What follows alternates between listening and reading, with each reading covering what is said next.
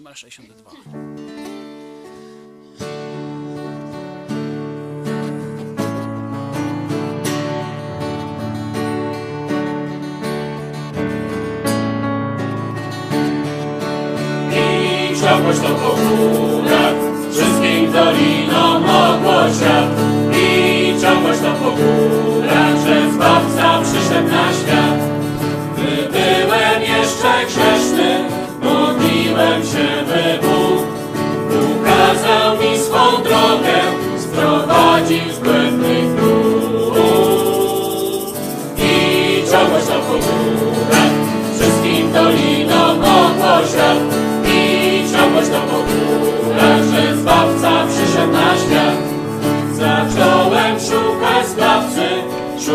sovereign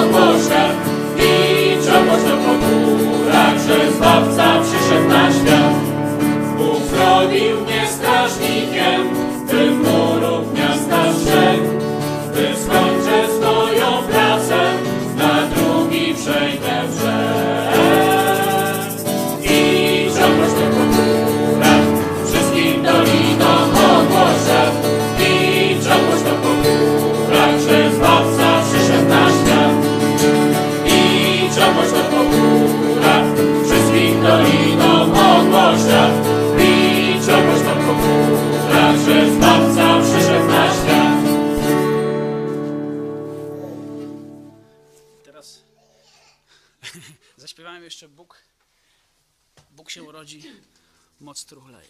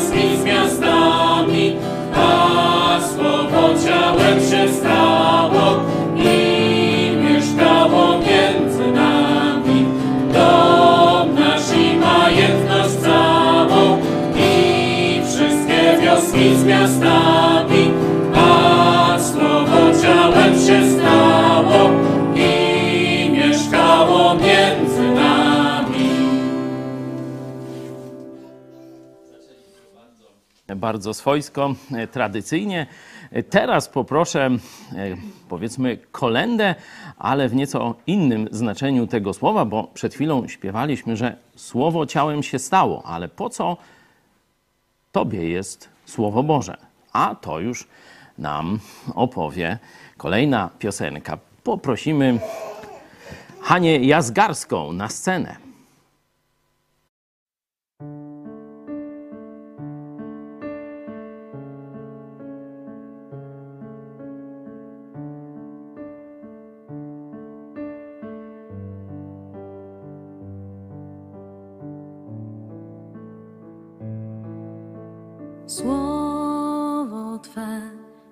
jest latarnią dla mych stóp i oświetla drogi me. Słowo Twe jest latarnią dla mych stóp i oświetla drogi me. Kiedy czuję lęk, myślę, że zgubiłem 边。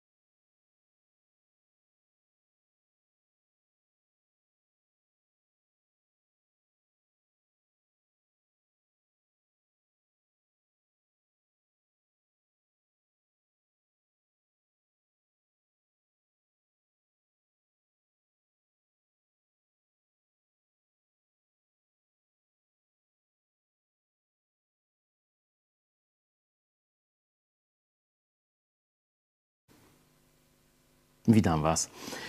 Po świętach dla jednych był to okres odpoczynku, dla innych zmęczenia potrawami, a dla niektórych także jakieś przemyślenia duchowe. Mam nadzieję, że ten wstęp, zarówno z tych tradycyjnych kolęd, jak i z tej pięknej piosenki z Psalmu 119 o roli Słowa Bożego w naszym życiu, wszystkich nas pokierował w, tą, w tę stronę duchowego e, przeżywania i refleksji nad tym, co się stało 2000 lat temu. Zobaczcie, że ta piosenka ostatnia pochodzi z e, Psalmu 119, no grubo, grubo przed Chrystusem. Już ludzie, mając pierwsze porcje, można powiedzieć, pierwszą część objawienia, część Starego Testamentu, bo przecież jeszcze nie cały, już wiedzieli, że Bóg chce z nimi nawiązać bliską relację. Chce ich prowadzić. To już wiedzieli. To wiedzieli starożytni Żydzi. To właśnie śpiewaliśmy w tej piosence. Wiedzieli też z tego słowa, że chce ich uratować. Wiedzieli, przynajmniej w chwilach głębszej refleksji, że nie są w stanie być tacy święci, jaki święty jest Bóg. Nawet kiedy Bóg dał im ten, powiedzmy, początek przymierze z Mojżeszem. Pamiętacie? Bóg powiedział: Dobra, teraz daję wam objawienie mojej woli. Teraz będziecie nie kroczyć po omacku. Teraz będziecie wiedzieć, czego od was chcę. Czy chcecie iść za tym, co wam objawię? Żydzi powiedzieli: Tak, oczywiście. Zastanówcie się dobrze, bo gdy będziecie wypełniać to, co wam objawię, będę wam błogosławił, będziecie mieć życie. Ale jeśli nie będziecie wypełniać, to przestanę wam błogosławić, będę was karcił, a potem was zabiję. Czy chcecie na pewno takiego przymierza? Pamiętacie, co Żydzi wykrzyknęli? A tak, oczywiście! Damy radę, na pewno! Przecież my jesteśmy dobrzy ludzie! Jak i każdy dzisiaj, nie? Nie wytrzymali kilkunastu godzin w wypełnieniu Bożego prawa i zaczęli grzeszyć tak szkaradnie, że wcześniej nawet tak nie robili. To pokazuje, jak bardzo potrzebujemy ratownika, ratownika z zewnątrz, żeby przyszedł ktoś i nas uratował. Bo sami, nawet jak znamy wolę Bożą, wiemy, czego Bóg chce, a czego nienawidzi, to i tak wybierzemy w końcu to, czego nienawidzi. To właśnie była rola Starego Testamentu, żeby wszyscy sobie zdali sprawę, że sami nigdy nie jesteśmy w stanie wypełnić woli Boga, dojść do norm Jego świętości. I wtedy Bóg zrobił to, co wspominamy, czyli sam, ktoś z zewnątrz przyszedł do nas. Jezus Chrystus przyjął ciało, zamieszkał pośród nas, dorósł i pokazał, że można wypełnić wszystkie nakazy Boga. Mając wszelkie ograniczenia człowieka, pokazał, że można wypełnić doskonale wolę Boga. I w tym momencie on, jako ten, który wypełnił całe prawo, wszelkie moralne jakiekolwiek inne oczekiwania Boga, mógł wrócić do nieba. A my zostalibyśmy dalej z naszymi grzechami, czekając na wieczne oddzielenie od Boga, na piekło. Dlatego w ogrodzie Getsemane Jezus się modli i mówi do Ojca: Jeśli to możliwe, czyli jeśli jest inna droga zbawienia ludzi, czyli zbawienia Ciebie i mnie, uratowania. Z jednej strony od mocy grzechu w naszym życiu, żebyśmy ciągle nie skręcali w kierunku grzechu, ale z drugiej, jeszcze ważniejszej strony, od wiecznych konsekwencji naszych grzechów, czyli oddzielenia od Boga na zawsze. Jeśli jest jakaś inna droga, jeśli to możliwe, oddal ten kielich ode mnie. Ale nie moja, lecz Twoja wola niech się stanie. To, co się stało potem, jest jasną odpowiedzią na to, czy było, czy jest możliwe zbawienie poza Jezusem Chrystusem, poza Jego ofiarą na krzyżu. Ta modlitwa w Getsemane i to, co się stało potem, pokazują dobitnie, jednoznacznie i na zawsze. Bez tego, co zrobił dla nas Jezus Chrystus na krzyżu Golgoty, żaden z nas nie miałby szansy ani zwyciężyć grzechu, ani, co ważniejsze, spotkać się po śmierci z Bogiem w niebie. Wszyscy byśmy wylądowali w piekle. O tym, co mówię jeszcze wtedy w Betlejem, w Jerozolimie, praktycznie niewiele wiedziano.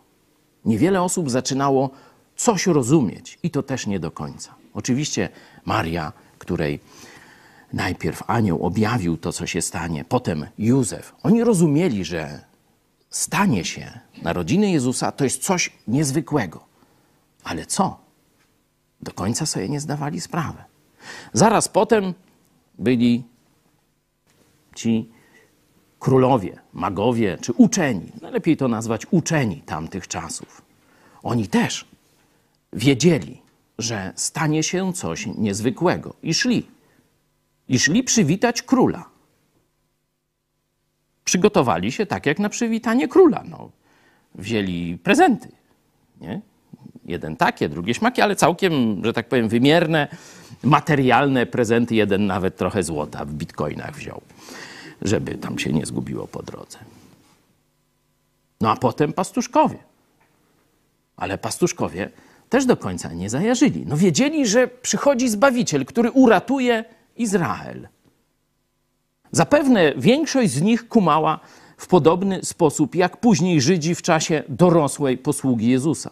O, Boże, dałeś nam króla, nowego króla Dawida. On nas teraz poprowadzi do zwycięstwa. Będziemy znowu prosperującym narodem, tak jak za Dawida Salomona, a może jeszcze lepiej.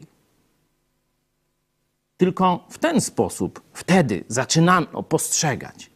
To gdzieś w świątyni ósmego dnia, kiedy przyniesiono Jezusa, pamiętacie, to wtedy i tak zwana prorokini Anna i Symeon, oni najlepiej wiedzieli, co się stało.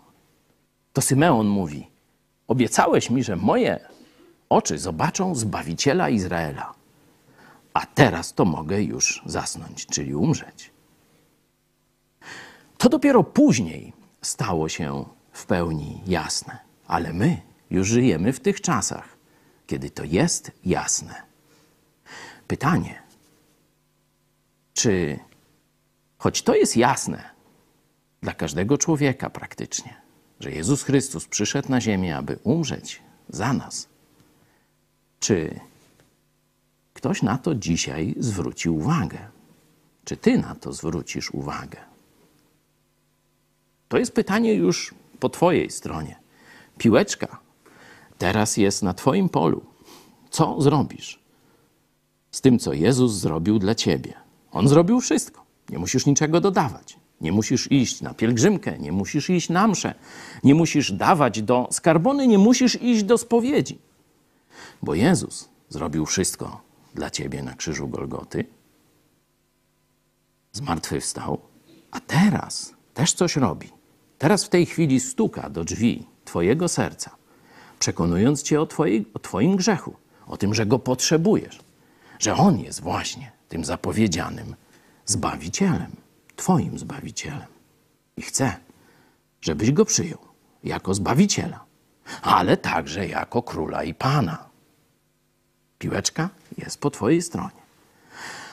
A chrześcijan zapraszam teraz do krótkiej modlitwy razem z nami, byśmy podziękowali. Po pierwsze, za objawienie Słowa Bożego jako drogowskazu. To już było w Starym Testamencie.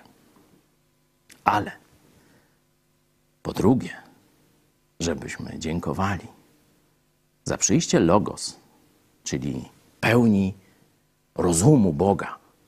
Logos stało się ciałem.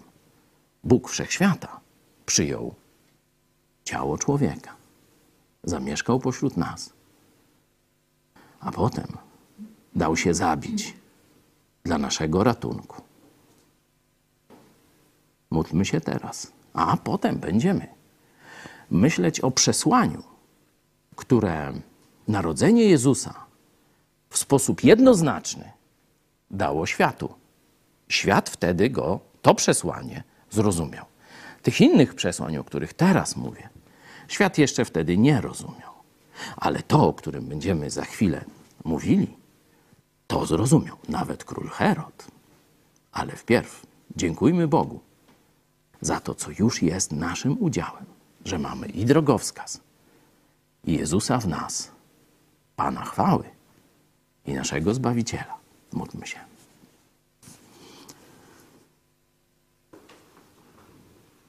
Dziękujemy Ci, nasz kochany Panie Jezu, że z Tobą już nigdy żadna ciemność nie będzie ciemna. Dziękujemy Ci, że Ty, kiedy otworzyliśmy drzwi naszego serca, jesteś już z nami na wieki. Obmyłeś nas swoją krwią. Jesteś naszym kochanym, dobrym pasterzem. Nikt ani nic, żadna przyszłość, ani teraźniejszość nie wyrwie nas z Twojej ręki. Dziękujemy Ci, że niezależnie od naszych uczuć, nastrojów, okoliczności, lepszych czy gorszych, możemy wiedzieć, że Ty nas prowadzisz i Ty nas doprowadzisz i Ty nam przygotowałeś miejsce w niebie. Ty sam to zrobiłeś. Chwała Ci, Panie.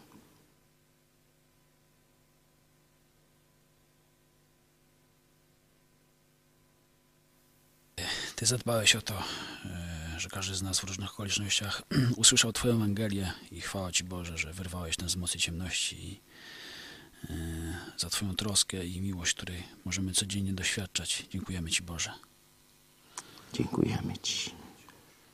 Dziękujemy Ci, Panie, za to, że możemy Cię znać i że możemy z Tobą być już na zawsze, że możemy żyć w tej świadomości, że już nic, już nic tego nie zmieni. Dziękuję Ci za, ten, za te święta, za ten czas pokoju, w którym mogliśmy odpocząć i proszę Cię, żeby w tych ciężkich czasach Polacy również mieli okazję Cię poznać, jak najwięcej Polaków. O to Cię proszę, Panie. Prosimy Cię, Panie.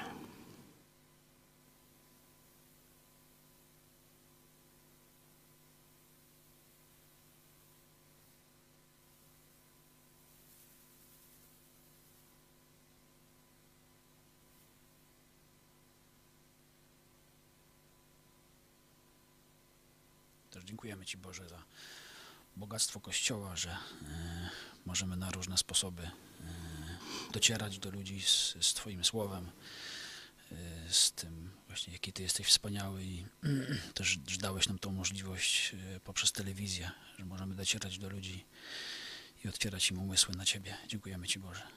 Dziękujemy Ci. Dzięki Ci, Panie, za to, że przybyłeś na ziemię, za to, że wypełniłeś swoją misję. Dzięki Ci, Panie, że dałeś nam się poznać, że możemy Cię wielbić i iść za Tobą jako za naszym liderem. Dzięki Ci, Panie, za to, że nas ukochałeś, za to, że nie musimy się już troszczyć o, o wieczność, bo ją mamy zapewnioną. Dzięki Ci, Panie, za to, że możemy Cię sławić, możemy Ci służyć. Chwała Ci, Panie. Chwała Ci. Dzięki Panie, że dałeś e, też nam spisane swoje słowo, że możemy je poznawać, możemy się nim kierować, że wszystko, co nam potrzebne, nam objawiłeś i e, możemy być pewni, że jest to prawda. Dzięki Ci, Panie. Dziękujemy Ci.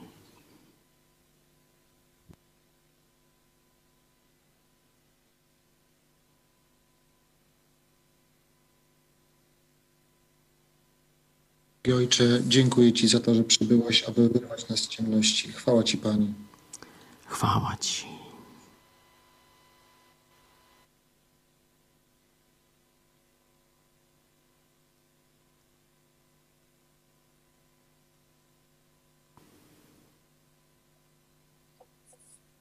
Dziękuję Ci, Panie, za każdy dzień, który nam dajesz, za stworzenie, za to, że tak nas ukochałeś, że dałeś nas, nam swojego Syna tu na ziemię, żeby do końca i doskonale Twoją wolę.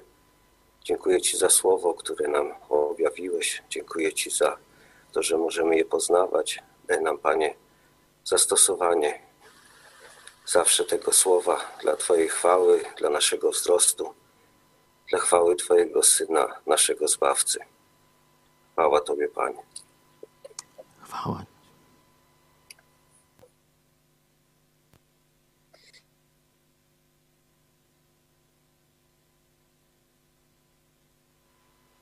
Dziękuję Ci, Panie, że Ty nas przygotowujesz do, do zadań, które przed nami stawiasz, że torujesz nam drogi i, i zawsze idziesz przed nami.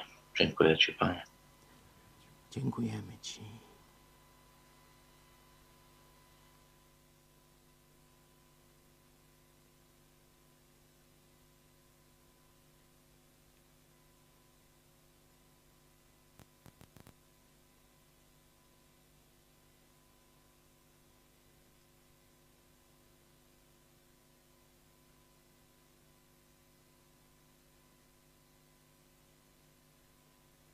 Twoją cierpliwość nami, za to, że codziennie nas zmieniasz. Dziękuję Ci, Panie Jezu, że tak bardzo narzędziem w Twoim ręku. Dziękuję Ci, Panie. Dziękujemy Ci.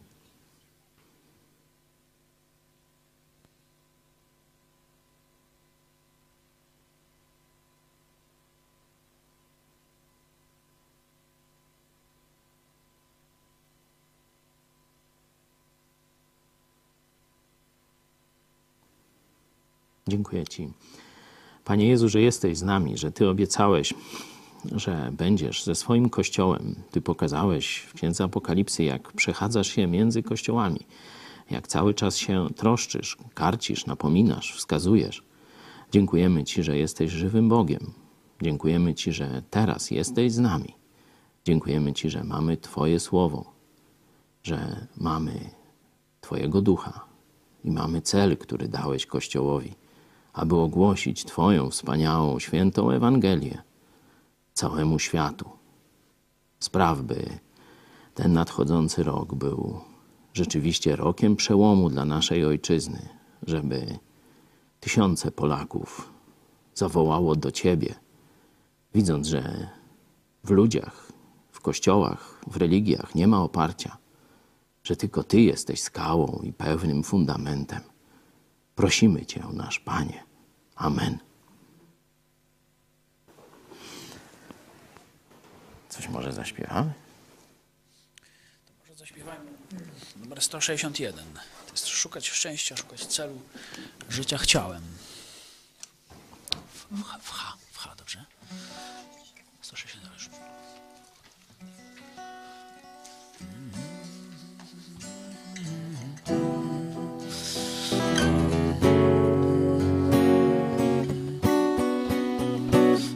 Szukać szczęścia, szukać celu życia chciałem, by na drodze mej stanąłeś, Panie mój.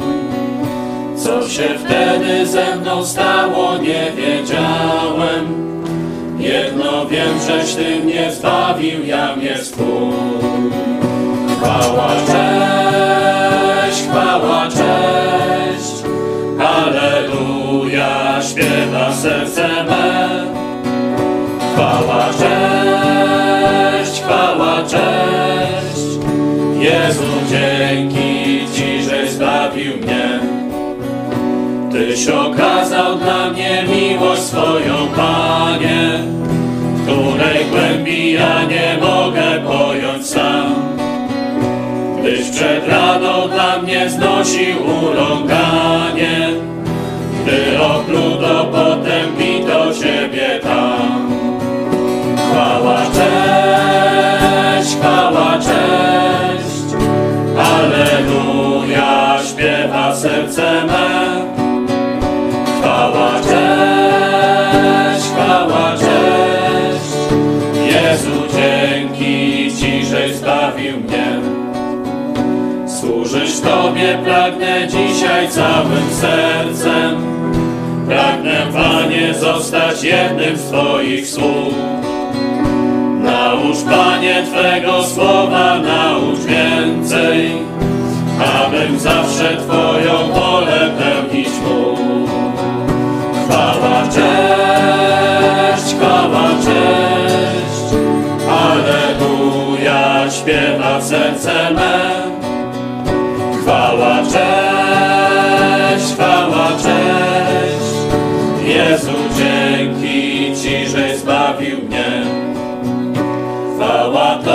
Panie, żeś obiecał wrócić, aby zabrać mnie z Kościołem świętym Twym. Wtedy będę z aniołami mógł zanucić. Chwała, cześć, o Alleluja, chwała, cześć. Chwała, cześć, chwała, cześć. Alleluja, śpiewa serce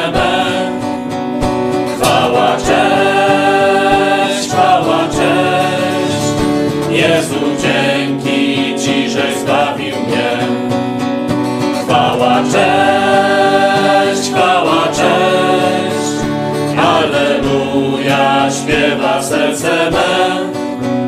Chwała, cześć, chwała, cześć.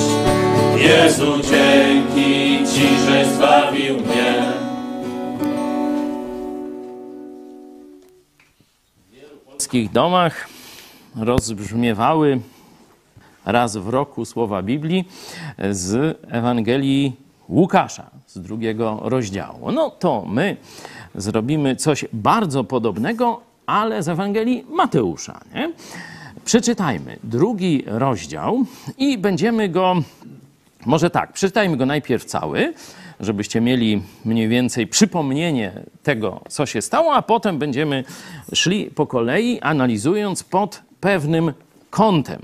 Bo tak jak w zapowiedzi jest, że rzeczywiście e, Boże Narodzenie dzisiaj jest postrzegane przede wszystkim jako takie wydarzenie kulturowo, rodzinno, niekiedy duchowe. Nie? Kulturowo, rodzinno, duchowe, w tych proporcjach coraz mniejszych. Nie? E, Kulturowo, bo to nawet niewierzący wtedy śpiewają kolendy, prezenty i te wszystkie inne e, rzeczy rodzinne, no bo tak wtedy też się gromadzimy i przeżywamy razem spotkanie, jakieś fajne rozmowy, bliskość, wspólne mm, posiłki, czyli wspólnotę. No i niektórzy tam dostrzegają też ten aspekt duchowy, że przyszedł Zbawiciel świata. I to jest, można powiedzieć, istota tych świąt.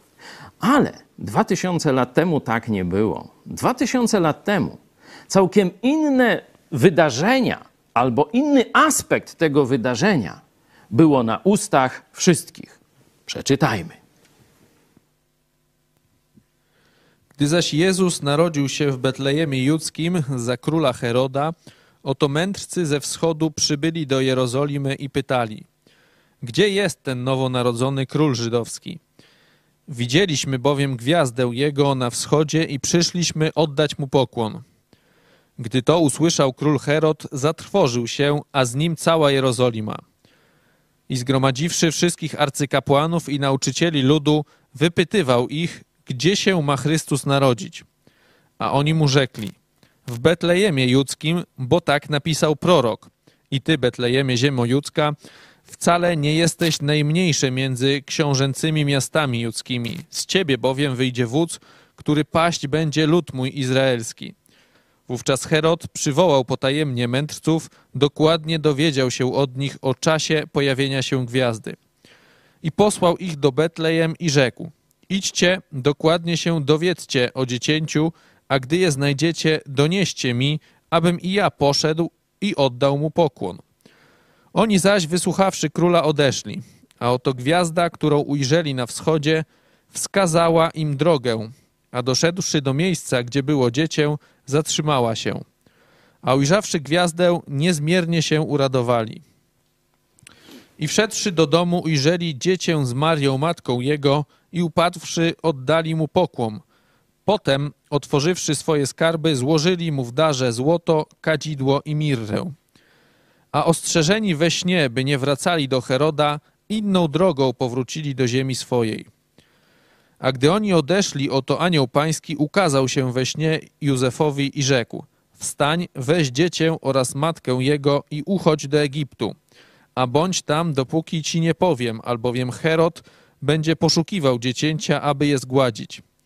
Wstał więc i wziął dziecię oraz matkę jego w nocy i udał się do Egiptu. I przebywał tam aż do śmierci Heroda, aby się spełniło, co powiedział Pan przez proroka, mówiącego: Z Egiptu wezwałem syna mego. Wtedy Herod, widząc, że mędrcy go zawiedli, rozgniewał się bardzo. Wydał rozkaz, aby pozabijać wszystkie dzieci w Betlejemie i w całej jego okolicy od dwóch lat i młodsze, według czasu, o którym się dokładnie dowiedział od mędrców. Wówczas spełniło się, co powiedziano przez Jeremiasza, proroka, mówiącego: Słyszano głos w rama, płacz i żałosną skargę. Rachel opłakuje dzieci swoje i nie daje się pocieszyć, bo ich nie ma.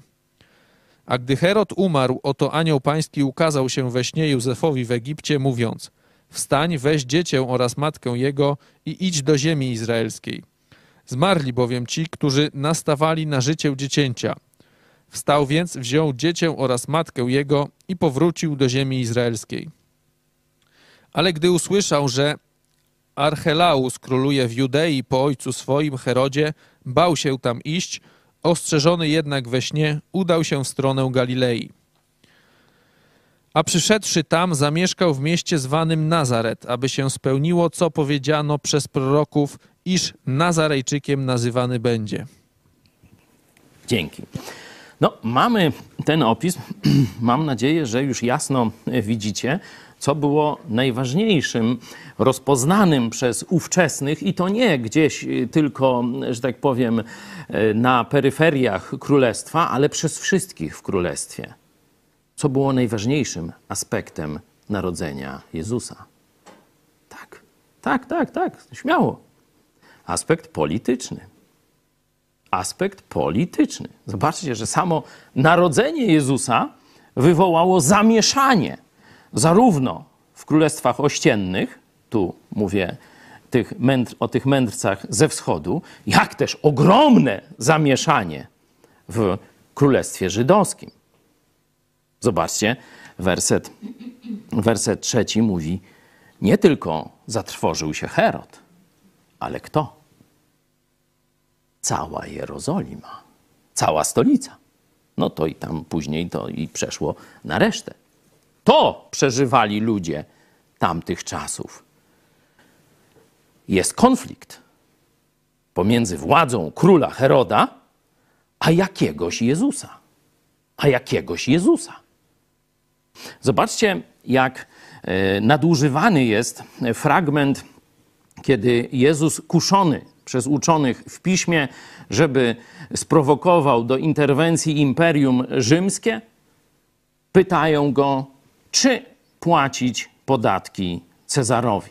Nie? Jezus, starając się uciec z tej pułapki, bierze monetę rzymską, pyta, czyje tutaj jest oblicze, czyja podobizna. No oni mówią, no to Cezara. No to dajcie co Cezara, Cezara Cezar, co cesarskie cesarzowi, co Bogu boskie. I w tym momencie większość ludzi mówią, zobaczcie, tu jest władza Heroda, tu jest władza Kaczyńskiego, a tu jest władza Jezusika i Najświętszej Panienki. Czy taki obraz widzicie, kiedy Jezus przychodzi na ziemię? Czy jest tu jakiś podział że tu sobie żyje władza świecka, a tu sobie żyje Jezus Chrystus? Przyjście Jezusa Chrystusa, jeśli chodzi o uniwersum, o publiczne rozpoznanie, jest od razu wydarzeniem politycznym. Jest ciężkim wydarzeniem politycznym. I tak już zostanie do końca, także do dzisiaj. Prawdziwi uczniowie Jezusa Chrystusa odgrywają niekiedy można powiedzieć, nie angażując się nawet w żadną partię polityczną, odgrywają kluczową rolę polityczną w świecie do dziś. Nie będzie to trwało wiecznie. Kiedyś Jezus znowu przyjdzie i też zrobi porządek z kim? No, z władzą polityczną. A patrz, jak niektórzy heretycy mówią, że chrześcijanie nie powinni mieszać się do polityki. No, śmieszna rzecz, nie? Czytając Biblię, plecenie takich durnot, że chrześcijanie mają nie mieszać się do polityki, jest dla mnie zawsze jedną z największych tajemnic głupoty. No, ale jedźmy po kolei. Gdy Jezus narodził się w Betlejemie ludzkim, za, za króla Heroda. Zobaczcie, od razu jest pokazane nie za górami, za lasami, nie? tylko jest konkretny kontekst historyczny i czasowy, i polityczny.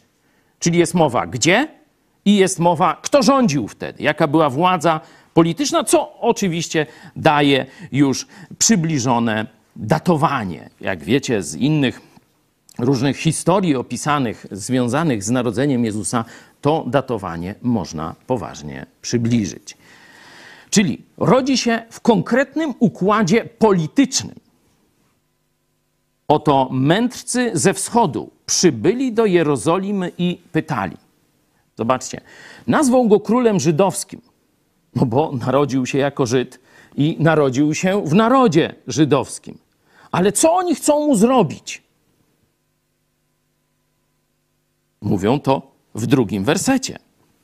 Gdzie jest ten nowonarodzony król żydowski? Widzieliśmy bowiem gwiazdę jego na wschodzie i przyszliśmy. Co zrobić? Oddać mu pokłon. Ci reprezentanci innych narodów, tu można powiedzieć pogan w tym momencie, przychodzą oddać cześć Jezusowi. Widać więc, że oni rozpoznają, że nie jest to wydarzenie tylko dla narodu żydowskiego.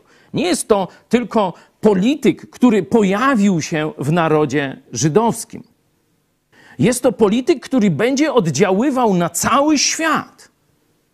I oni, jako reprezentanci tego świata, idą i oddają mu pierwsi pokłon.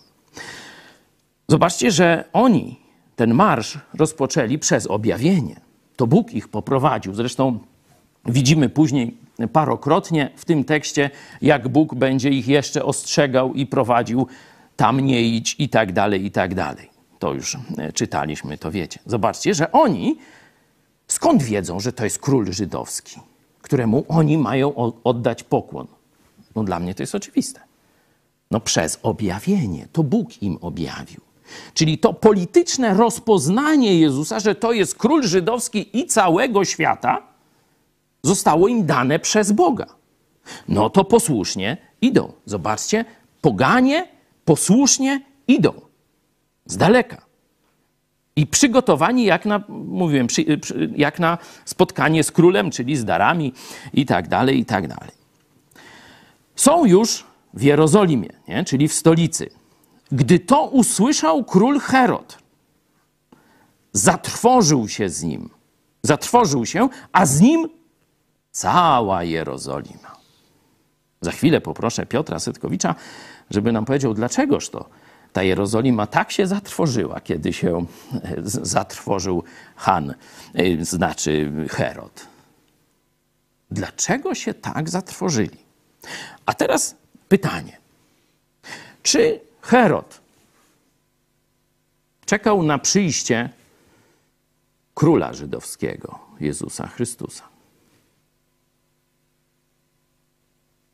Czy badał pisma pod tym kątem, kiedy ma przyjść ten zapowiedziany Mesjasz, król w duchu Dawida? Moim zdaniem nie. Dlaczego? Bo dopiero kiedy przychodzą mędrcy ze wschodu, kiedy pojawiła się ta myśl, król żydowski się narodził. No zaraz, zaraz, ale przecież to ja jestem królem żydowskim. On co robi? Zwołuje uczonych w piśmie, każe im przedstawiać biblijne argumenty na temat tego, gdzie i kiedy się narodzi Jezus Chrystus.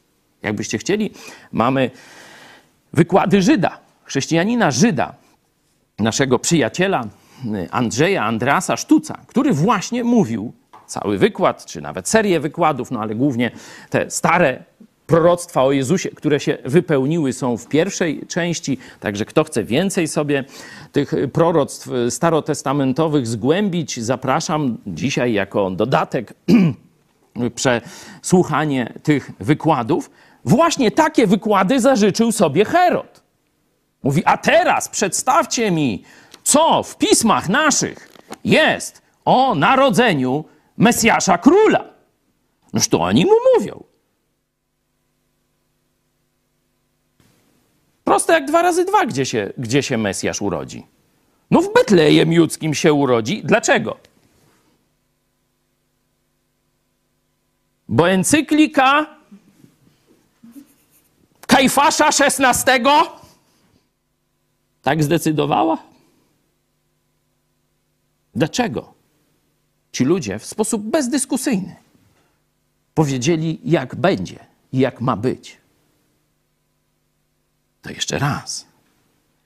W Betlejem Judzkim, bo tak napisał prorok, bo tak stoi w Biblii. Dlaczego tak się stanie? Zobaczcie, jak ci ludzie jeszcze mają, że tak powiem, rozsądek w głowie. Oni mówią, tak się stanie, bo tak jest w Biblii. Tak jest napisane w Słowie Boga i tak będzie. Zobaczcie, jakim autorytetem ci ludzie, jeszcze niewierzący w Jezusa Chrystusa, to nie są chrześcijanie, to są uczeni Starego Testamentu. Zobaczcie, jakie oni pokładają zaufanie w pismach. Nie? Ciekawe, czy dzisiaj chrześcijanie mają takie zaufanie w pismach, nie? czyli do tego, co Biblia mówi, że jak Bóg powiedział, to na pewno tak jest. Jeśli coś zapowiedział, to na pewno tak będzie. Jeśli coś ogłosił o przeszłości, to na pewno tak było. Challenge. A my jedziemy dalej. Zgromadził tych wszystkich. Wcześniej miał to w nosie albo gdzie indziej. Nie? Wcześniej żył sprawami doczesnymi. Wcześniej zajmował się władzą e, i różnymi takimi sprawami, knowaniami, intrygami, jak tu się pomiędzy Żydami, bo on nie był Żydem, on był poganinem zwyczajnym. Ale Rzymianie pomogli mu zostać królem. Co było i dla nich bardzo wygodne, bo jakby coś, no to zawsze mieli na niego haki. Nie? Zobaczcie, jak te haki do dzisiaj wiszą nagie haki, nie? Naga haka to takie było nazwa sklepu mięsnego z japońskiego w czasie stanu wojennego. Zobaczcie, jak te haki się dalej ciągną. Tu ciekaw, ciekawa była taka gra słów na lubelskiej liście Prawa i Sprawiedliwości. Nie wiem, czy pamiętacie, mieliśmy dwóch kandydatów. Jeden się nazywał, czekaj, Kant, a myśmy dopisali nie. Kanthak. Tam, jeden. To nie było dwóch, sorry, to był jeden. Kanthak. Dwa w jednym. No to zobaczcie, jakie stare tradycje, żeby mieć haki. Rzymianie mieli na Heroda haki. No, nie ukrywamy przecież, cały czas mówimy, że starzy komuniści mają haki na nową władzę. Towarzysz Jaruzelski powiedział, jak dziennikarz go pyta, generale, czy się nie boicie, że nowa władza was osądzi i na szafocik albo do pierdla wsadzi? Uż, что ja nie taki płochliwy. U mnie haki, u nich kanty. I niczego nie będzie. Все w порядке. No i wiemy, jak to się wszystko dalej e, potoczyło. Wszystko właśnie dokładnie tak, jak powiedział generał Jaruzelski, do dzisiaj się toczy, czyli mają na nich haki. Oni zrobili jakieś kanty, a potem były z tego powodu haki, czy operacja Hyacynt, czy operacja Złodziej, to już tam każde inne haki ma, a niektórzy mają po dwa albo po trzy haki, haczyki i hakuśki e, i tak dalej. Także Stąd jest jak jest. Herod właśnie takimi sprawami się zajmował. Stąd pierwsze przesłanie do Jarosława Kaczyńskiego: nie bierz wzoru z Heroda. Gdyby on rzeczywiście spojrzał wprawdzie na to, co się stało, to porzuciłby te kanty i haki i poszedł razem z tymi królami, przepraszam, mędrcami, oddać chwałę Jezusowi Chrystusowi osobiście, nie za pośrednictwem kapłana, osobiście. Zresztą już zobaczcie, że Herod wiedział, co powinien zrobić. Herod wiedział. I on tak łże. Patrz, jak to. I dzisiaj władzy też tak pozostało. Łże na każdym e, kroku, ale to sobie zostawimy na trzynastą w dni powszednie. On łże tych przedstawicieli królów Wyszehradu, no czy tu tam krajów sąsiednich powiedzmy, i mówi: No, powiedzcie mi, jak już znajdziecie tego Jezusa, przyjdźcie do mnie i powiedzcie mi, gdzie on tam ma swoją rezydencję, żebym ja ze swoimi poszedł i mu pokłon złożył. No, oni, wiecie, traktowali tak władzę, że tak powiem, że to władza mówi prawdę, nie? że prawo i sprawiedliwość jest we władzy. Nie? I oni nawet chcieli pójść i mu powiedzieć. Ale zaraz do tego dojdziemy, jak to się nie stało. Ale najpierw zastanówmy się jeszcze chwilę, bo już wiemy, że król Herod się przestraszył. Zaraz będziemy wiedzieć, dlaczego on się przestraszył. Ale dlaczego też przestraszyła się cała Jerozolima? Piotrze, powiedz nam. To może najpierw od, zacząć od tego, y, dlaczego Y, dlaczego się Herod przestraszył? No, dlatego, że on nie miał żadnych praw do tego, żeby być królem żydowskim. Tak mówiłeś, on nawet nie był Żydem, on był Edomitą. Edomici zostali podbici przez Żydów y, y, no, nieco wcześniej, wtedy kiedy tak się utarło, że arcykapłan był jednocześnie królem. To była tak zwana dynastia hasmonejska. I ojciec tego Heroda był, był y, jednym no, z najwyższych urzędników y, u, u jednego z ostatnich królów hetmanów, tych królów kapłanów. No Herod początkowo też, też był, był takim sługą, ale, ale potem usunął y, tą, tą dynastię przy pomocy Rzymian, no a Rzymianie chętnie go poparli właśnie z tego powodu, że zdawali sobie sprawę, że on nie może ich zdradzić, bo, bo Żydzi tak, taki mniej więcej mieli stosunek do Edomitów, jak, jak Polacy do Żydów, czyli no nie lubili, jak, jak nimi rządzą i, no i, i to było wiadomo, że, że jeżeli, jeżeli by zaczął e, Herod prowadzić rzeczywiście samodzielną politykę, to, no to naród by go zmiótł. Także Rzymianie mu nawet pozwolili mieć takie, można powiedzieć, samodzielne państwo. Tam nie było nawet rzymskich wojsk w czasach, kiedy Herod rządził i też wtedy jeszcze nie było tego tego problemu, czy płacić podatki Cezarowi, bo, bo Żydzi płacili tylko podatki Herodowi.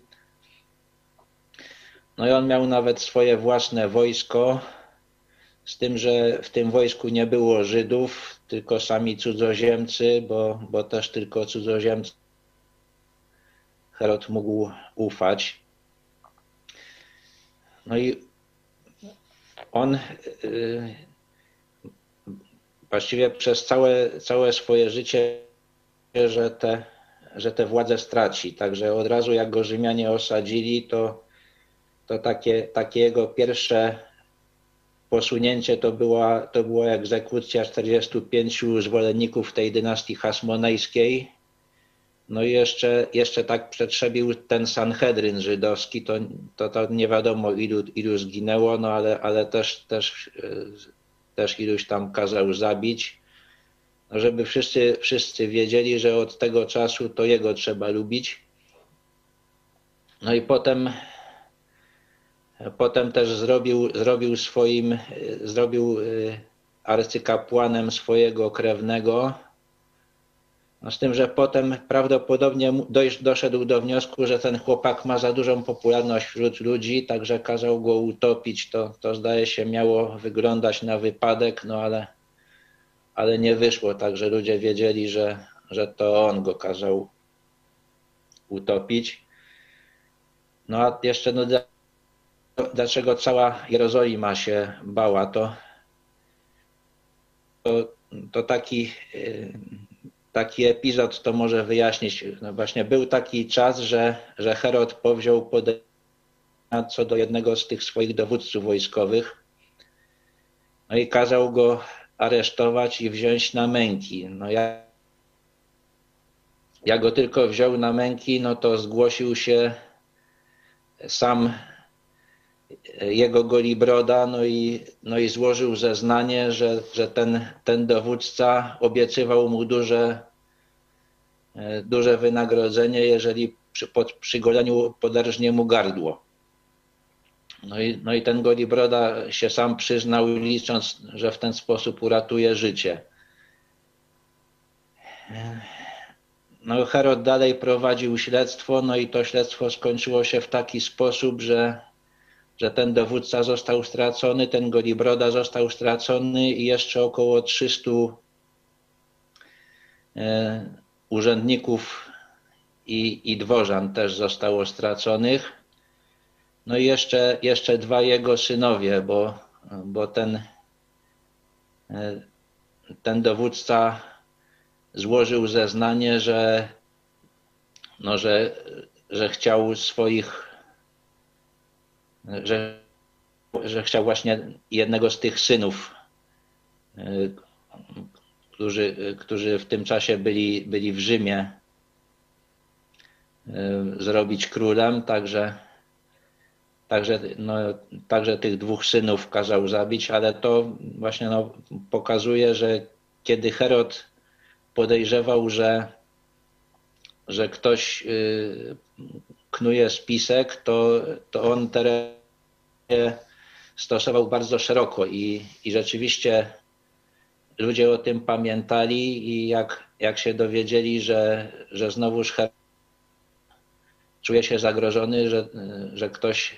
chce odebrać mu władzę, no to, no to cała Jerozolima się bała, bo, bo ludzie nie wiedzieli, na kogo jeszcze padnie podejrzenie i kto, kto może stracić życie. No także on, on tak właściwie do samej śmierci robił. Bardzo ciężko umierał. Śmierci, o śmierci to zaraz, zaraz powiemy w drugim Twoim łączeniu, Piotrze. Także niech to na razie zostanie jako, e, że tak powiem, tajemnica.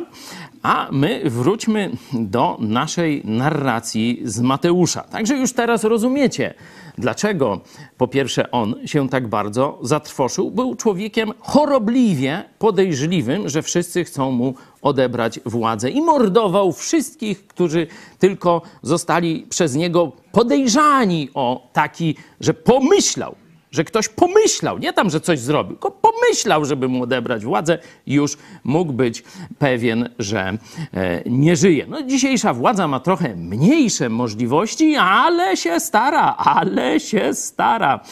I cała Jerozolima też rozumiemy, jak jakiś spisek wyszedł, 300 z Jerozolimy poszło pod topór. No toż nic dziwnego, że się trochę przestraszyła Jerozolima bo mogło paść na każdego. Tu nie było wyjątku. To było prawdziwie policyjne państwo. Tak e, wynika nie tylko z Biblii, ale także z historii. Także możecie jedni bardziej w historii, drudzy bardziej w Biblii, a tu zobaczcie, świadectwo jest zgodne. Zobaczmy, że tu analogia do dzisiejszych rządów, że władza perfidnie kłamie, nabeszczela. Zobaczcie. I posłał ich, tych trzech przedstawicieli pogańskiego wschodu, i posłał ich do Betlejem i rzekł: Idźcie, dokładnie się dowiedzcie o dziecięciu, a gdy je znajdziecie, donieście mi, abym i ja poszedł oddać mu pokłon. Nie? Czyli ła- władza łże, że tak powiem, na bezczela. Nie? Tak, no, y, tutaj chyba symbolem jest premier Morawiecki, który wyszedł, w, chyba to był początek lipca, i powiedział do starych ludzi: Nie bój ta się, idź ta na wybory! Wirus już jest w odwrocie, nie trzeba się go staruchy bać. Tu się rymuje takie e, przysłowie polskie, e, znaczy przekleństwo, ale ja już nie będę tego kontynuował. No za to to powinien być Trybunał Stanu, nie? Tak, ja mam taki prywatny pogląd. Za takie ugarstwo i narażenie na śmierć dziesiątek tysięcy Polaków powinien być Trybunał Stanu. A co jest? Orędzie noworoczne. Noż to witamy w PRL-u, bis, nie? E, Jedziemy dalej z naszą narracją. Oni zaś, wysłuchawszy króla, odeszli. Oto gwiazda, którą ujrzeli na wschodzie, wskazywała im drogę, a doszedłszy do miejsca, gdzie było dziecię, zatrzymała się. Z Jerozolimy do Betlejem to jest tam, nie wiem, gdzieś 20 kilometrów, może niecałe, bardzo blisko, także tu już szybko tam dotarli. A ujrzawszy gwiazdę, niezmiernie się uradowali i wszedłszy do domu, ujrzeli dziecię z Marią, matką jego i upatrzszy, i teraz to jest dla katolików. Jeśli by katolicy nie, zna- znaleźli się w tym momencie historii tam i teraz, co by zrobili? Komu by oddali pokłon? No niech sobie tam katolicy sami odpowiedzą. Część rzuciłaby się, ci rycerze Marii rzuciliby się do nóg Marii. Nie? Część stwierdziłaby, zaraz, ale tu jest jeszcze Jezusik, no malusi, malusi, w pielusi, ale jednak, no to część by, y, może i Marii, ale i Jezusowi, nie? No a jakaś tam znikoma część zapewne zrobiłaby to, co właśnie ci kierowani przez Boga ludzie. A zobaczmy, co oni zrobili. I wszedłszy do domu, ujrzeli dziecię z Marią. Czyli nie tak, żeby oni Marii nie widzieli, no bo widzieli była, no fizycznie była. Może lulała, może nie, nie wiemy. I upatrzy, komu oddali pokłon. Zwróćcie, katolicy, drodzy, uwagę. Komu oddali pokłon? I upatrzy, oddali jemu pokłon. Potem otworzyli walizki i obdzielili Józefa, Marię i Jezusika. Tak? No i znowu, no, ząg, no i znowu. Potem, otworzywszy, otworzywszy swoje skarby, złożyli jemu. Patrzcie, no toż tacy podzielić się nie umieją, nie? Tacy niegrzeczni, nietaktowni, nie? A pamiętacie pierwsze przykazanie, drodzy katolicy? Nie będziesz miał innych obcych bogów obok mnie. Ci poganie realizują tutaj to przykazanie.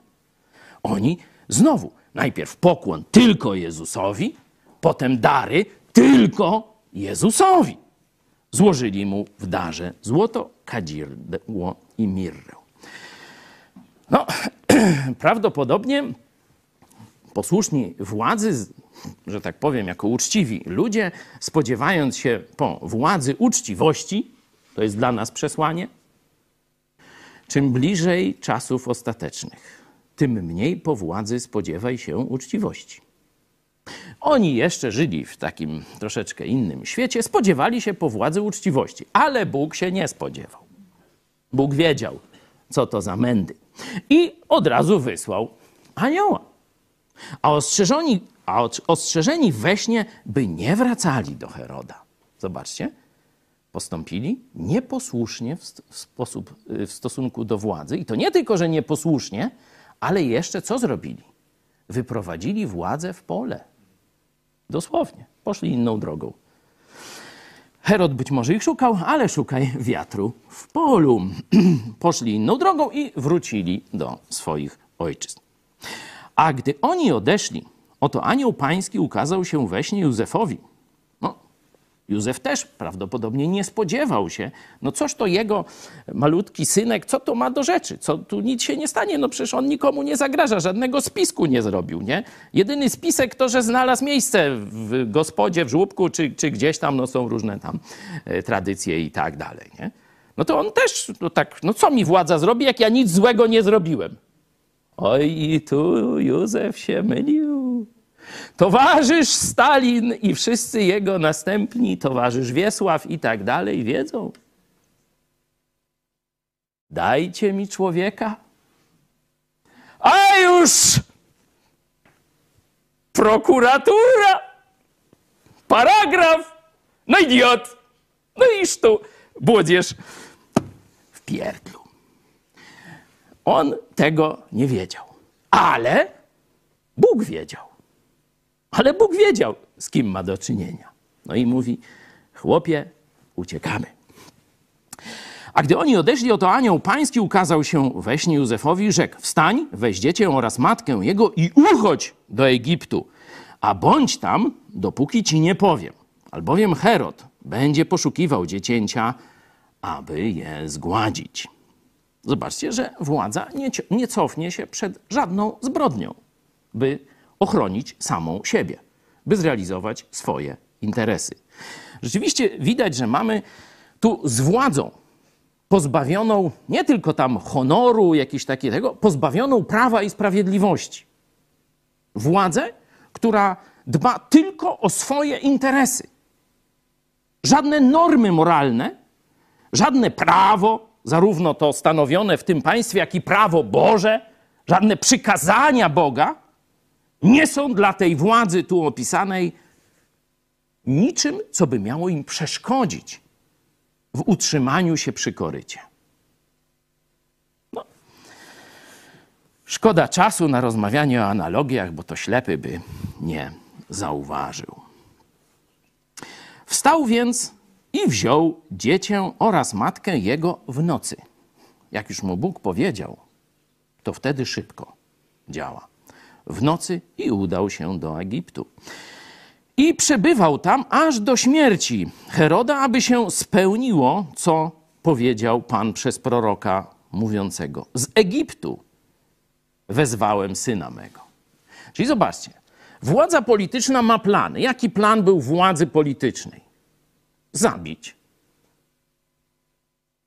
syna Bożego. Skończyć z chrześcijaństwem. Nie? Diabelski plan mieli. Po ludzku można powiedzieć, uratować swoją pozycję i wpływy. To chciała władza. A co wyszło? Wypełnienie Bożego proroctwa. Widzicie? Władza niemoralna realizuje diabelskie cele, a Bóg wyprowadza z tego Boże cele. I w ten sposób Jezus wypełnia kolejne proroctwo Starego Testamentu. Jedźmy dalej.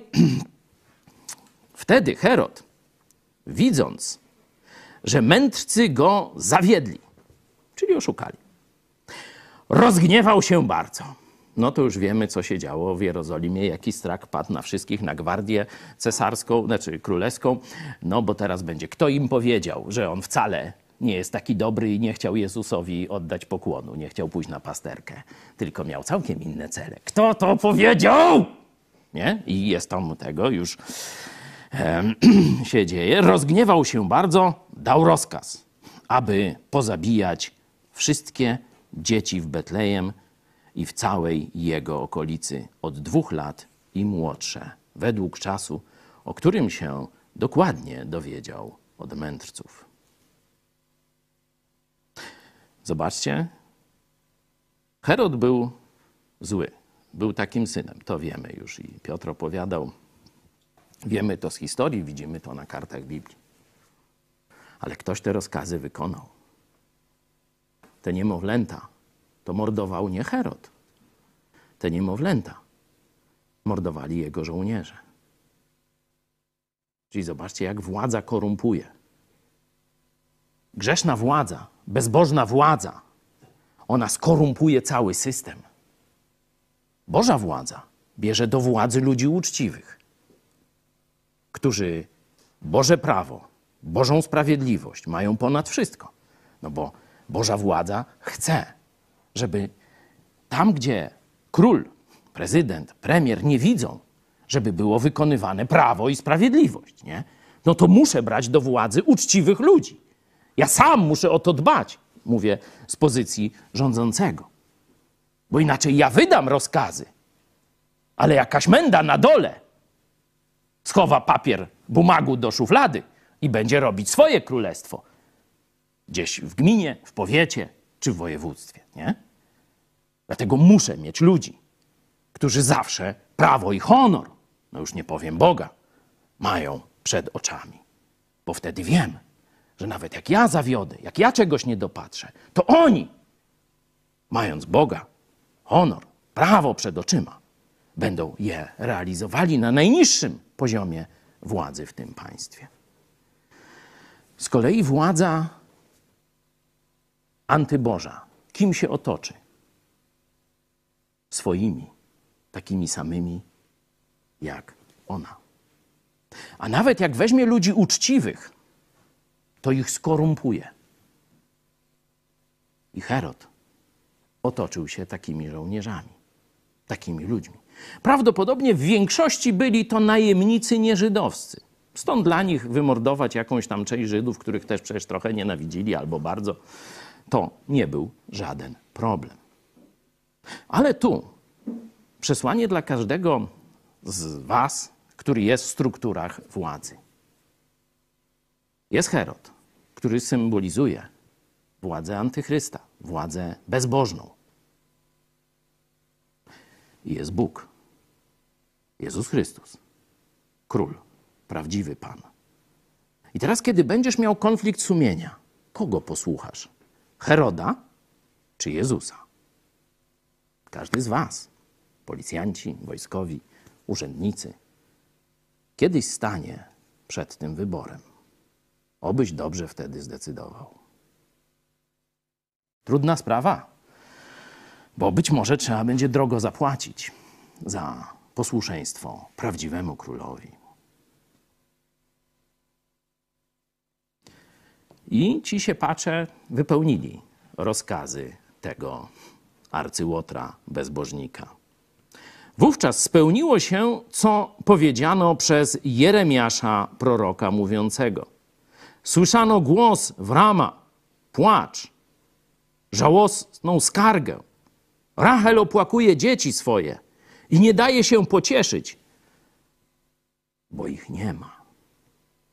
Zobaczcie, władza popełnia bestialstwo już teraz. Ale zobaczcie, że Bóg cały czas ma nad tym kontrolę. I teraz nie będziemy wchodzić, dlaczego Bóg dopuścił i tak dalej, i tak dalej. Faktem z tego jest, że Bóg dalej ma kontrolę, nawet nad największymi zbrodniami władzy i potrafi z nich wyprowadzić dobro. My będziemy się buntowali. Rachel nie daje się pocieszyć, bo nie ma jej dziecka. I tu Bóg nie próbuje mówić, ale ciesz się, bo tam się spełniły wyroki Boże. Rachel płacze. Ty czy ja niekiedy będziemy płakać, cierpiąc z, z, z bez, bezbożności władzy państwowej. Ale Bóg, po pierwsze, ma nad tym kontrolę i w naszym bólu musimy o tym pamiętać, a po drugie, wyprowadzi z tego dobro. Wyprowadzi z tego dobro. To musimy sobie powtarzać o tym, pamiętać, kiedy będziemy w takiej sytuacji. A gdy Herod umarł, to jest kolejne przesłanie dla każdej, każdej władzy, tej z przeszłości, tej teraźniejszej i tej z przyszłości. Kiedyś umrzesz, kiedyś skończy się Twoja ziemska władza. Staniesz przed tronem prawdziwego króla królów i pana panów. I co wtedy? O śmierci Heroda posłuchajmy znowu Piotra Setkowicza. Na pewno barwnie nam o tym opowie. No, Herod miał straszną śmierć. Umierał długo. No, opis jest taki, że że jakieś wrzody wyskoczyły mu na ciele i, i w tych wrzodach, i w tych wrzodach też zalęgły się robaki.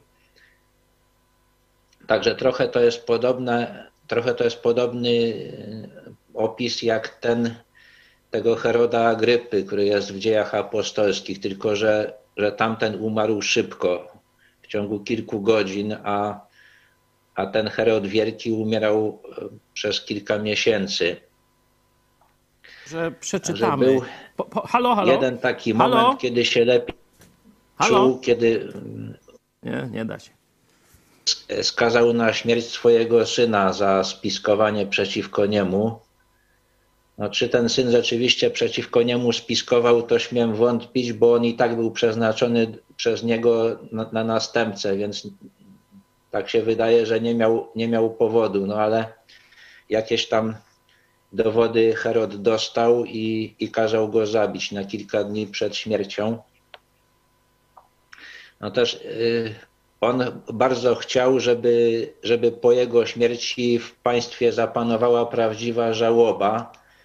No i ponieważ się spodziewał, że ludzie się będą cieszyć, kiedy umrze, to dał taki rozkaz, żeby zgromadzić najznakomitszych Żydów w jednym miejscu i jego dowódcy dostali rozkaz, że kiedy, kiedy umrze, mają ich wszystkich zabić, żeby, no żeby, ta, żeby ten żal po jego śmierci był prawdziwy. Ale kiedy umarł, to, to ci jego dowódcy nie wykonali jego rozkazu. No także sobie umarł i no został pochowany w, w grobowcu, który sobie kazał za życia zbudować. No, a Izrael został podzielony pomiędzy czter, czterech jego synów. A, tyle. Dzięki Piotrze.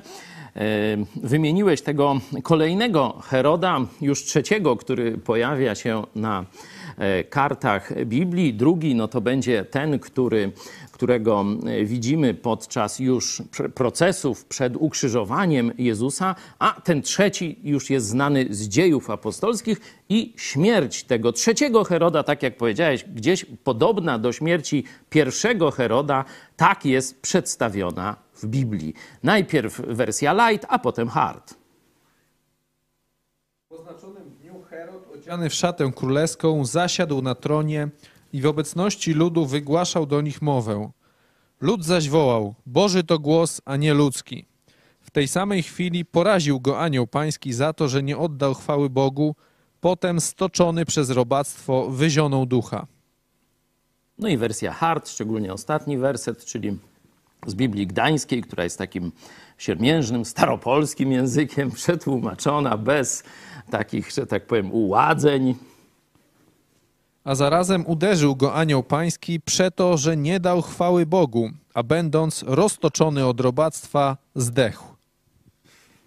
No, to wersja hard tłumaczenia. Roztoczon od robactwa zdechł. E, Tak jest o kolejnym królu lulu. E, A my przejdźmy do szerszego omówienia problemu konfliktu między władzą Boga a władzą królów. Bo patrząc na historię, możemy powiedzieć, że zdecydowana większość przypadków królów i władców na ziemi to są władcy bezbożni, atakujący czy ograniczający prawo e, Boże, prze, prześladujący ludzi prawych, uczciwych, e, chrześcijan oddanych Bogu i tak dalej, i tak. To tylko niektóre okresy w Rzeczpospolitej w czasie Złotego Wieku, to e, niektóre okresy w Stanach Zjednoczonych, bo też i nie wszystkie, czyli w tej chrześcijańskiej republice, zbudowanej właśnie po to, żeby nie było już więcej tyranii, żeby nad wolnymi chrześcijanami nie królował już żaden bezbożny człowiek. Po to powstały Stany Zjednoczone. Po to ta wojna, po to krew, po to później ten ład wymyślony, oparty oczywiście na Biblii, ale jeśli chodzi o system głosowania, system rządów spisany w konstytucji, widzicie, że teraz to już praktycznie się rozbiło o rafy komunistów, bo żeby system amerykański funkcjonował, wiecie, co jest potrzebne? Nie tam CIA, oczywiście się przyda, nie FBI, no też potrzebne, nie policja, nie Sąd Najwyższy. Wiecie, co jest potrzebne, żeby system amerykański, ten właśnie zaprojektowany na wzór Biblii, się utrzymał? Potrzebna jest odpowiednia masa uczciwych ludzi. Jeśli zabraknie uczciwych ludzi, czyli biblijnych chrześcijan, system się zawali. To właśnie dzieje się na naszych oczach. Ale obiecałem ogólne zestawienie właśnie władzy Boga z władzą ziemskich królików. Przeczytajmy Psalm drugi. Czemuż to burzą się narody, a ludy myślą o próżnych rzeczach? Powstają królowie ziemscy i książęta zmawiają się z połem przeciw Panu i pomazańcowi Jego. Zerwijmy ich więzy i zrzućmy z siebie ich pęta. Ten, który mieszka w niebie, śmieje się z nich. Pan im urąga. Wtedy przemówi do nich w gniewie swoim i gwałtownością swoją przerazi ich. Ja ustanowiłem króla mego na Syjonie, świętej górze mojej. Ogłoszę zarządzenie Pana. Rzekł do mnie, synem moim jesteś, dziś cię zrodziłem. Proś mnie, a dam ci narody w dziedzictwo i krańce świata w posiadanie. Rozgromisz je berłem żelaznym, roztłuczesz jak naczynie gliniane. Bądźcie więc rozsądni, królowie, przyjmijcie przestrogę, sędziowie ziemi. Służcie Panu z bojaźnią i weselcie się. Z drżeniem złóżcie mu hołd, aby się nie rozgniewał i abyście nie zgubili drogi, bo łatwo płonie gniewem, szczęśliwi wszyscy, którzy mu ufają. Amen. Amen. No zobaczcie, jak ci, którzy mówią, żeby chrześcijanie nie mieszali się do polityki, jak czytają te słowa. Ja ustanowiłem króla mego na Syjonie, świętej górze mojej. Ogłoszę zarządzenie Pana. Rzekł do mnie: Synem moim jesteś, dziś cię zrodziłem. Proś mnie, a dam ci narody w dziedzictwo i krańce świata w posiadanie. Rozgromisz je berłem żelaznym, roztłuczesz jak naczynie gliniane. Potrafilibyście powiedzieć, że chrześcijaństwo nie ma związku z polityką albo nie powinno się mieszać do polityki? Ja wiem, co spora część takich ludzi, można powiedzieć, zgorszonych tym, co robi Kościół rzymskokatolicki, ma na myśli, mówiąc to. Bo tu są dwie, można powiedzieć, składowe. Pierwsza to nauka towarzysza Stalina. Nie? On po błędach towarzysza Lenina, który chciał wyplenić religię w ogóle z życia człowieka, myślał, że wystarczy wymordować wszystkich duchownych, tam głównie protestant, y, tych y, prawosławnych, i zburzyć wszystkie cerkwie albo przerobić je na magazyny, kina, kinoteatry czy coś takiego, i ludzie przestaną wierzyć w Boga. Nie? I to był pierwszy projekt rewolucji bolszewickiej. No on się nie udał, bo ludzie dalej w Boga wierzyli. No to już towarzysz Stalin stwierdził, Wot ja, Lenin durak, ja balszoje tu zrobię reformu. I stwierdził, że zrobi se kościół partyjny. Nie? Partia bolszewicka założy se cerkiew chrześcijańską i niech będzie. I teraz wszyscy ci baciuszkowie, wszyscy duchowni, wyżsi, niżsi, ci w tych czapkach takież, no, będą agentami KGB, no i będzie kościół hulał. Ludzie sobie będą chodzić, świeczki palić, tam kadzidła i tak dalej. Taką nowość religii. Ale jest nowa cecha tej religii towarzysza Stalina. Może mogą być i obrzędy, mogą być i nazwy, święta Bożego Narodzenia też mogą być. Czego nie może być? Chrześcijanie nie mogą się mieszać do polityki. To jest sprawa Heroda, Stalina i różnych innych batiuszków politycznych, nie?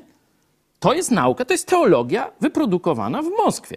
I ona przeniknęła do sporej części kościołów przez agenturę. Agenturę zarówno w kościołach prawosławnych, w kościele rzymskokatolickim i w kościołach protestanckich. Tak, to trzeba jasno powiedzieć. W 1950 roku e, zaresztowano tam 400 duchownych niekatolickich i spora część z nich, niestety, spora część z nich przeszła na stronę komunistów i zaczęło właśnie mówić, że tu my będziemy ewangelizować tego, ale wszystko w kościółkach. My się do polityki nie mieszamy. To do dzisiaj jest nauczane w większości kościołów, albo ze względu na gnuśność i ignorancję części pastorów, albo ze względu na wysługiwanie się władzy komunistycznej. No i to jest, to jest jeden powód. A drugi to jest zgorszenie, jaki dał, jakie dała hierarchia rzymskokatolicka, która wykorzystywała wpływy swoje, wpływy Kościoła katolickiego do poszerzania swojego imperium, do, można powiedzieć, szerszego koryta i większych przywilejów oraz bezkarności za zbrodnie, za zbrodnie pedofilii, ale nie tylko. To właśnie taki wzór antychrześcijański dała hierarchia rzymskokatolicka. I dlatego część ludzi już nie z, z poduszczenia Stalina, ale widząc zgorszenie hierarchów katolickich, mówi won od naszego państwa. Tylko, że dzięki temu, dzięki grzechowi katolickich hierarchów, zrealizował się diabelski pomysł. Państwo bez Boga. Państwo bez głosu prawdy. Państwo bez głosu Biblii.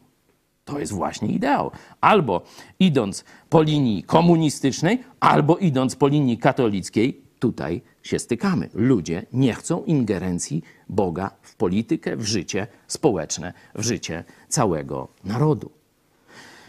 A tu, w tym psalmie, widzimy, czemuż to burzą się narody? A ludy myślą o próżnych rzeczach, czyli tu jest o poddanych. Powstają królowie ziemscy i książęta złam, zmawiają się z połem przeciw Panu i pomazańcowi Jego.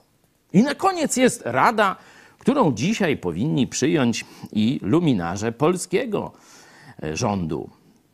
Zobaczcie od dziesiątego wersetu. Bądźcie więc teraz rozsądni.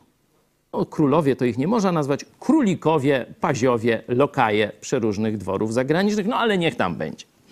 Bądźcie więc teraz rozsądni, królowie. Przyjmijcie przestrogę. O, jest o Ministerstwie Sprawiedliwości, to do Ziobry i spółki. Przyjmijcie przestrogę, sędziowie ziemi. Służcie Panu z bojaźnią. Nie służcie Kościołowi. Nie chodzi o to, żebyście słuchali tego czy innego Kościoła. Uznajcie władzę Króla Królów nad sobą i nad narodem, który, którego jesteście przedstawicielami czy zarządcami.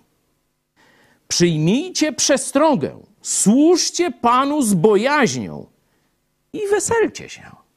Wtedy będziecie mogli się prawdziwie weselić z czystym sumieniem.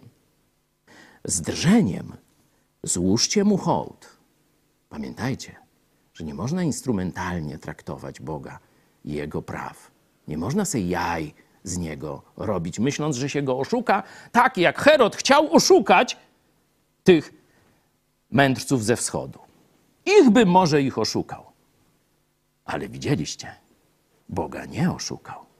Bóg zna Twoje serce.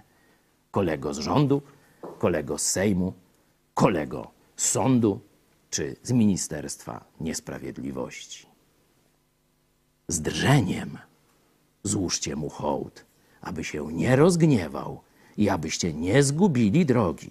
I tu jest ostrzeżenie. Zobaczcie, zwykle do ludzi, kiedy mówimy Ewangelię, mówimy, że Bóg jest łaskawy, cierpliwy.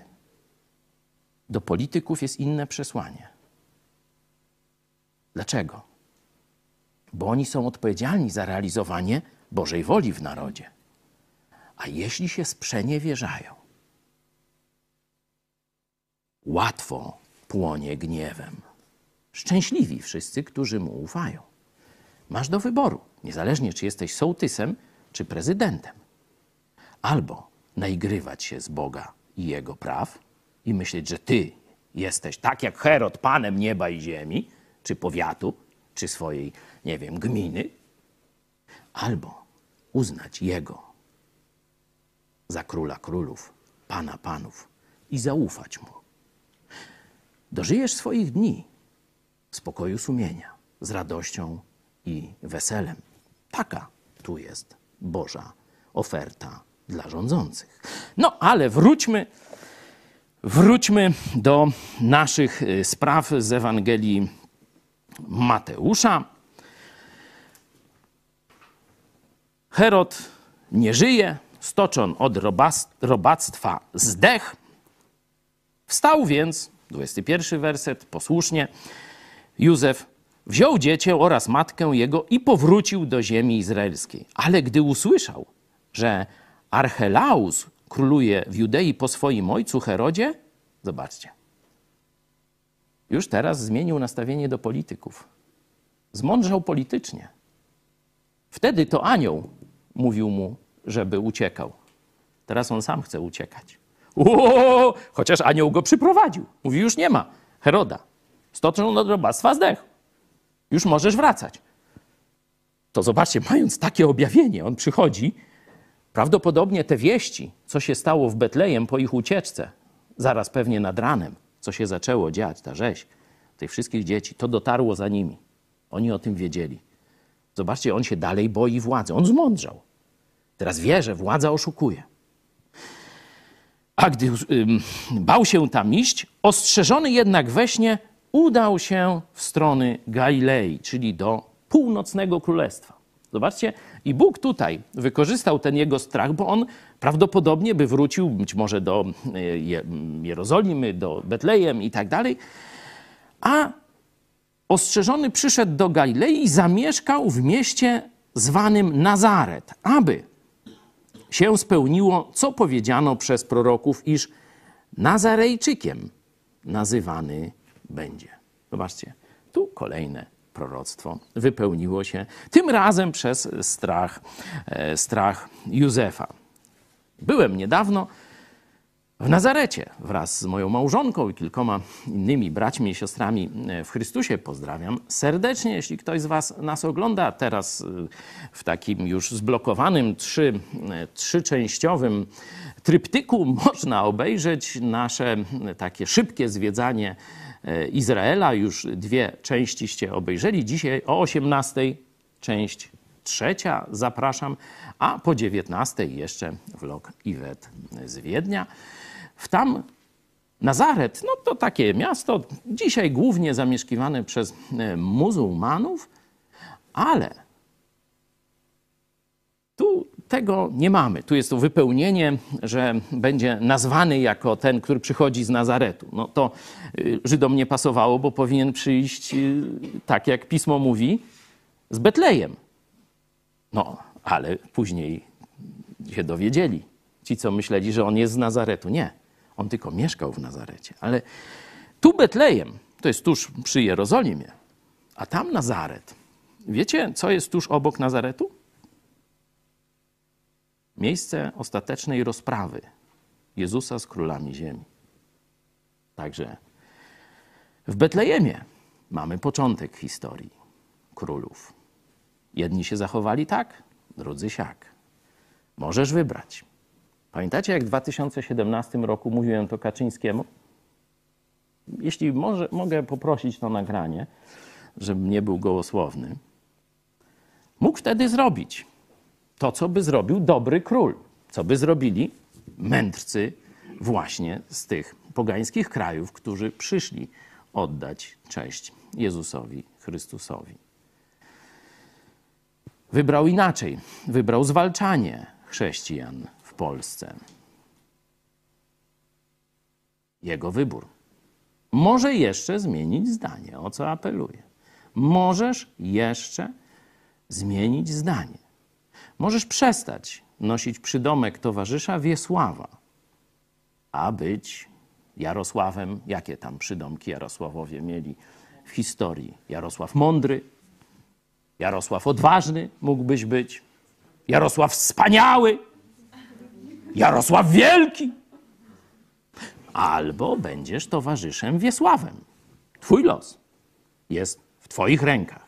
W 2017 roku apelowałem do Ciebie osobiście. Przypomnijmy. Albo rozszerzysz bazę o tych właśnie ludzi, To nie chodzi, że, że oni ci dadzą 20% w słupkach. Oni przeniosą bitwę na pole duchowe, a sam powiedziałeś, że to tam rozgrywa się ta bitwa. Weźmiesz dupę biskupa, którego diabła ci pokona? Przecież on służy diabłu. Już przegrałeś. Oprzesz się na katolickich biskupach, już przegrałeś. Nawet jak zaczniesz walkę, już jesteś skazany na klęskę, jak wszystkie powstania. Jak Polska, kiedy przeszła do obozu kontreformacji. Wszystkośmy przegrali, roztrwoniliśmy wszystko, co mogliśmy. I dzisiaj się stanie dokładnie tak samo, bo tak nas uczy historia, ale przede wszystkim tak mówi Słowo Boże. Bo Bóg śmieje się ze spisków narodów, ale On patrzy na każdy naród i mówi do elity: bądźcie rozsądni, nie walczcie ze mną, stańcie po stronie prawdziwego Boga i Jego pomazańca, Jezusa Chrystusa. Jeśli Jarosław Kaczyński otworzy się na to środowisko, przeniesie bitwę na poziom duchowy i wygra, masz w ręku śmierć albo życie. Do zobaczenia. Gdzie zmierza smutna historia Polski, jej katolicko-narodowo czy katolicko-komunistyczno-narodowej władzy? Niestety wiemy. Nie rozwinęła się tak, jak proponowałem Jarosławowi Kaczyńskiemu. Rozwija się w całkiem przeciwnym kierunku. 2021 rok zapewne będzie czasem jakiejś próby, czasem prawdy, niestety smutnej dla narodu polskiego, ale myślę, że może to być czasem też wielkiego narodowego otwarcia oczu na to, kto jest prawdziwym królem, kto jest prawdziwym panem historii, kto jest prawdziwym panem historii, która się dzieje dziś, czyli polityki. I nie jest to Jarosław Kaczyński. To Jezus Chrystus. Jemu niech będzie chwała w moim i w Twoim życiu, w życiu prawdziwego Kościoła i daj Boże w życiu narodu polskiego. Amen.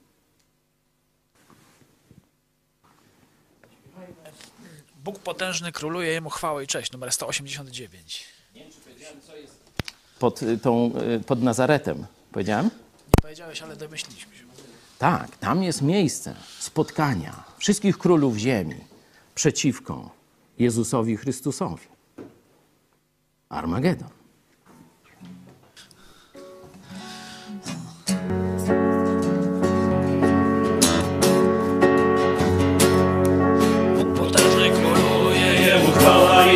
Nasz Pan on potężny jest.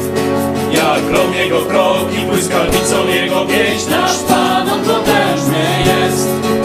Pan wcale nie żartował, gdy z kraju ich wychował i nie bez powodu przelał swoją krew. Jego powrót jest bliski, więc lepiej byś uwierzył, że nasz Pan potężny jest. Nasz Pan potężny jest, wśród chwał.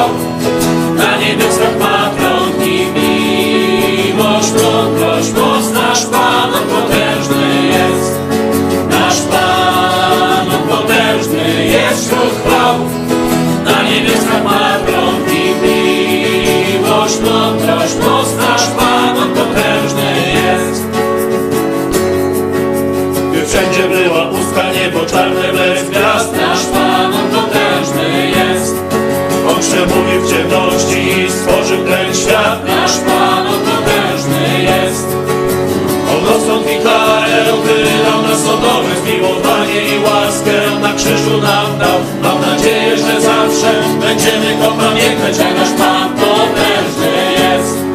Nasz Pan, potężny jest chwał. Na niebiosach ma tron i miłość, mądrość, moc. Nasz Pan, on potężny jest. Nasz Pan, on potężny jest wśród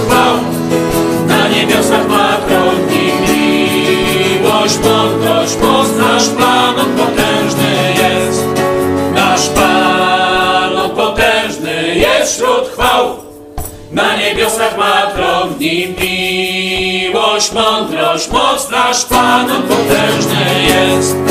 Nasz Pan, On potężny jest wśród chwał. Na niebiosach ma tronnik miłość, mądrość, moc.